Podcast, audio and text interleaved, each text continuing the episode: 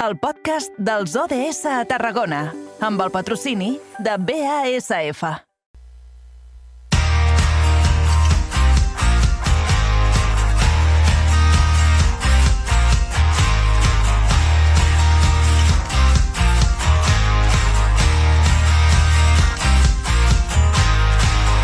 Carrer Major, Eduard Virgili.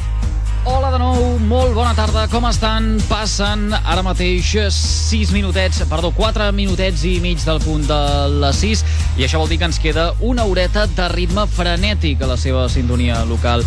Ens hem posat a passejar pel carrer Major de referència al Camp de Tarragona a les 4 en punt i des d'aleshores que 8 ràdios del territori, de la mà de la xarxa de comunicació local, no han parat de retratar tot el que passa al nostre entorn. Avui és dimarts, dia 5 de juliol, i atenció perquè Ciutadans celebra la retirada definitiva del llaç groc de la façana de l'Ajuntament de Reus. El símbol que reclama la llibertat dels presos polítics s'ha hagut de retirar per decisió judicial. El grup municipal a l'oposició porta més d'un any de pols amb l'equip de govern de l'alcalde Carles Pellicer. Després d'interlocutòria, recursos i una demanda d'execució, la justícia dona la raó a Ciutadans, que es congratula d'aquesta petita victòria. Diu, era un element que vulnerava la neutralitat que ha d'imperar en tot edifici públic, ha afirmat la portaveu del partit, Débora García, aquest dimarts al matí en roda de premsa. És una alegria i gran satisfacció no veure més el llaç groc. L'Ajuntament ja està totalment net i endreçat, afegit. D'aquí uns minutets, per cert, aprofundirem en aquesta qüestió i també els explicarem què és notícia a Tarragona, Reus, Montblanc, l'Hospitalet de l'Infant, la Selva, el Baix Camp, Torre d'Embarra i Altafulla. Però de moment el que farem serà agafar l'agenda 2030, la de les Nacions Unides, la dels ODS, i a més a més, els propers minuts també resoldrem el segon trivial de la setmana, compartirem amb vostès la nostra agenda de recomanacions i tindrem banda sonora pròpia, tot plegat sense perdre de vista el camp de Tarragona. Les realitats del Camp de Tarragona a Carrer Major.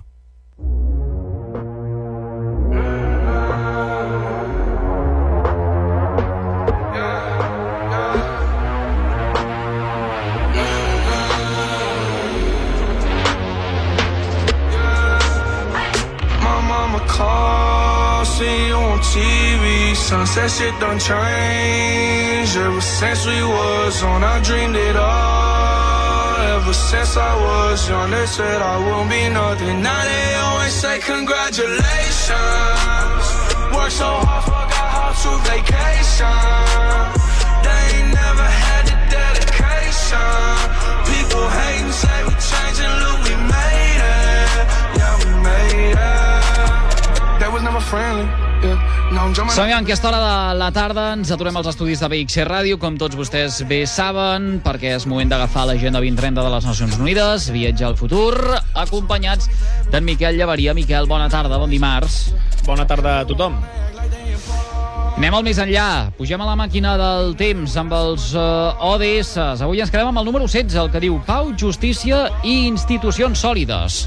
Exacte, és també un d'aquells dies en el qual agafem una petita part de l'ODS, en aquest cas ens centrem en l'apartat d'institucions sòlides, perquè per a que una institució es mantingui ferma davant l'atzar de l'actualitat, que si pandèmies o que si inflació de preus, el que ha de tindre és sobretot uns bons gestors darrere. De vegada aquests són encertats en les seves decisions, d'altres ocasions no ho són tant, però el que farem avui, el que farem és parlar d'aquells que el que fan és acariciar la perfecció.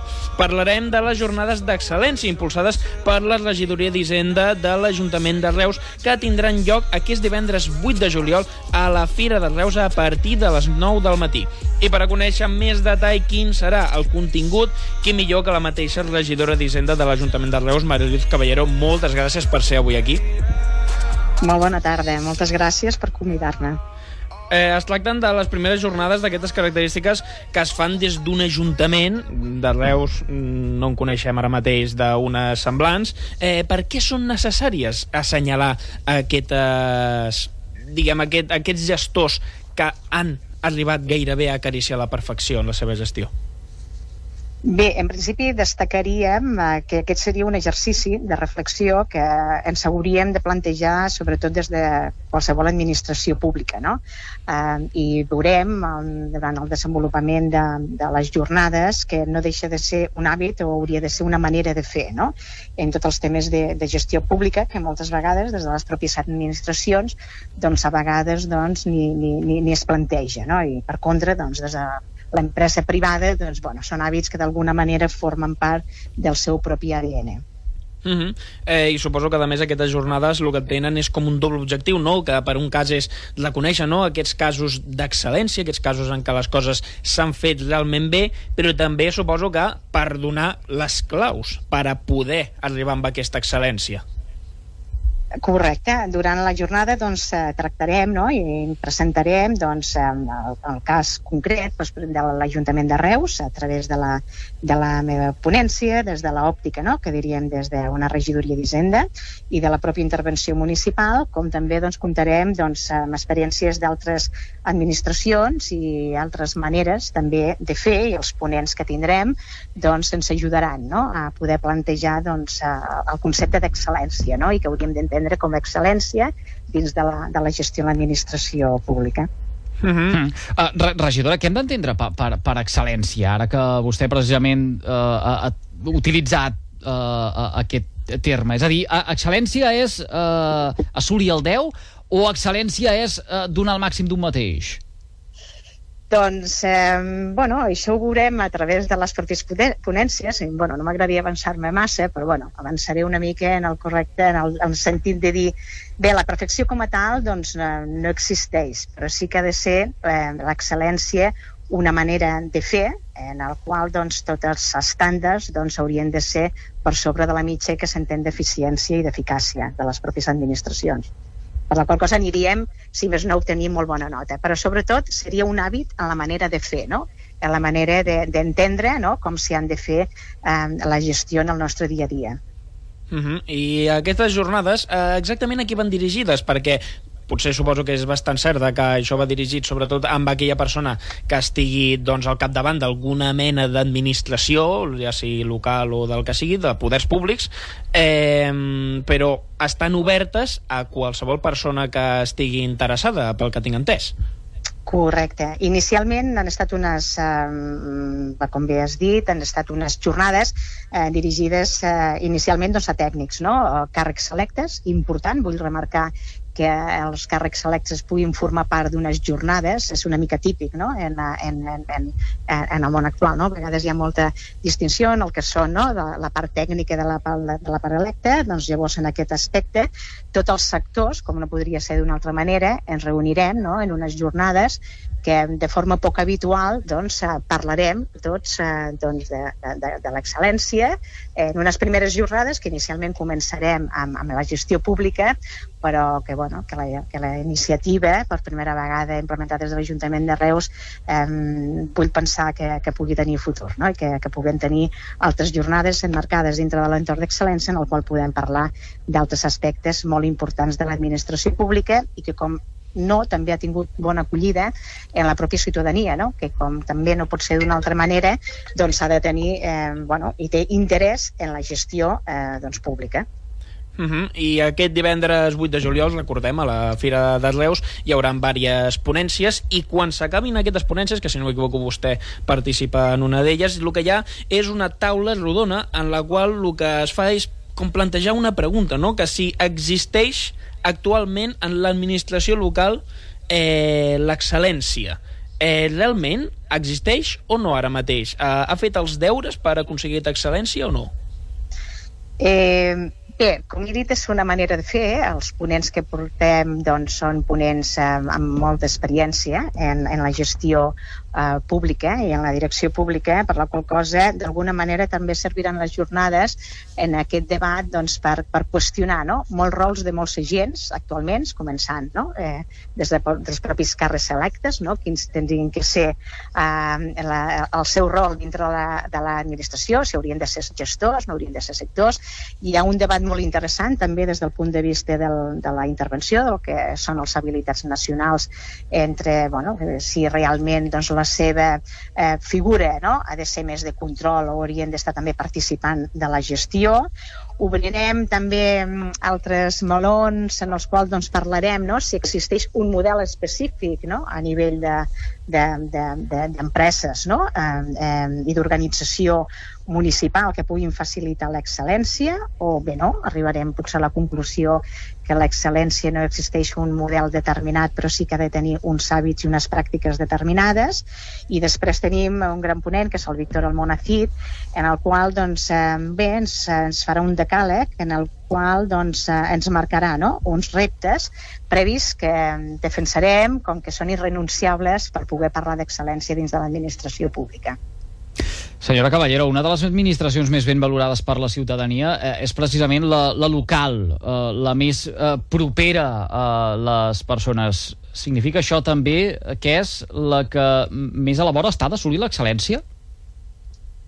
Doncs eh, jo diria que en aquests moments són els que els deures normalment els, els portem millor fets, no? I els que els resultats obtinguts són millors. Eh, després darrere també hi hauria una sèrie de normatives que d'alguna manera ens han exigit respecte a altres administracions, no? on s'han controlat, no? És aquí on estarem, no? en aquesta part de control i la part de, de, de gestió, però sí que és cert que en aquest punt les, actualment eh, l'administració local, l'administració pública local és la que millors resultats i la que més sanejades estan actualment.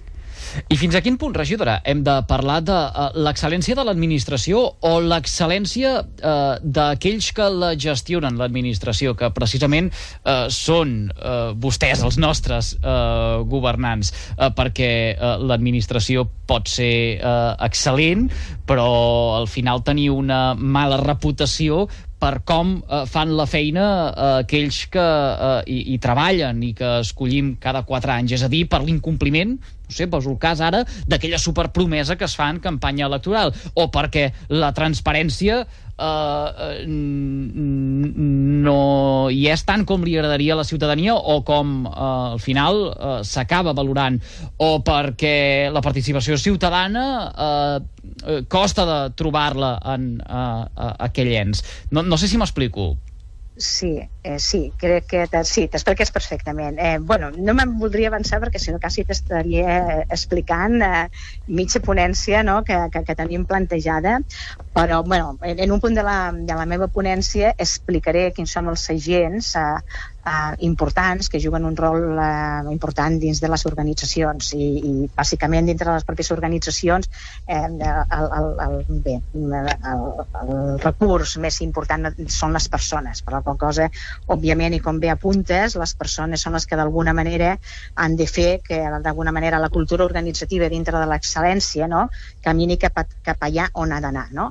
Eh, evidentment, el càrrec electe hem de formar part no, d'aquesta cultura organitzativa normativa eh, eh, de bones pràctiques, per la qual cosa, però únicament el càrrec electe, sense els tècnics, sense les habilitats nacionals, sense els, els equips, tampoc eh, no aniríem al lloc, per la qual cosa, sobretot, és un treball d'equip i bé, qualsevol eh, model d'excel·lència en qualsevol organització no es pot entendre sense eh, que tota l'organització remi cap al mateix eh, sentit, amb els mateixos objectius, no?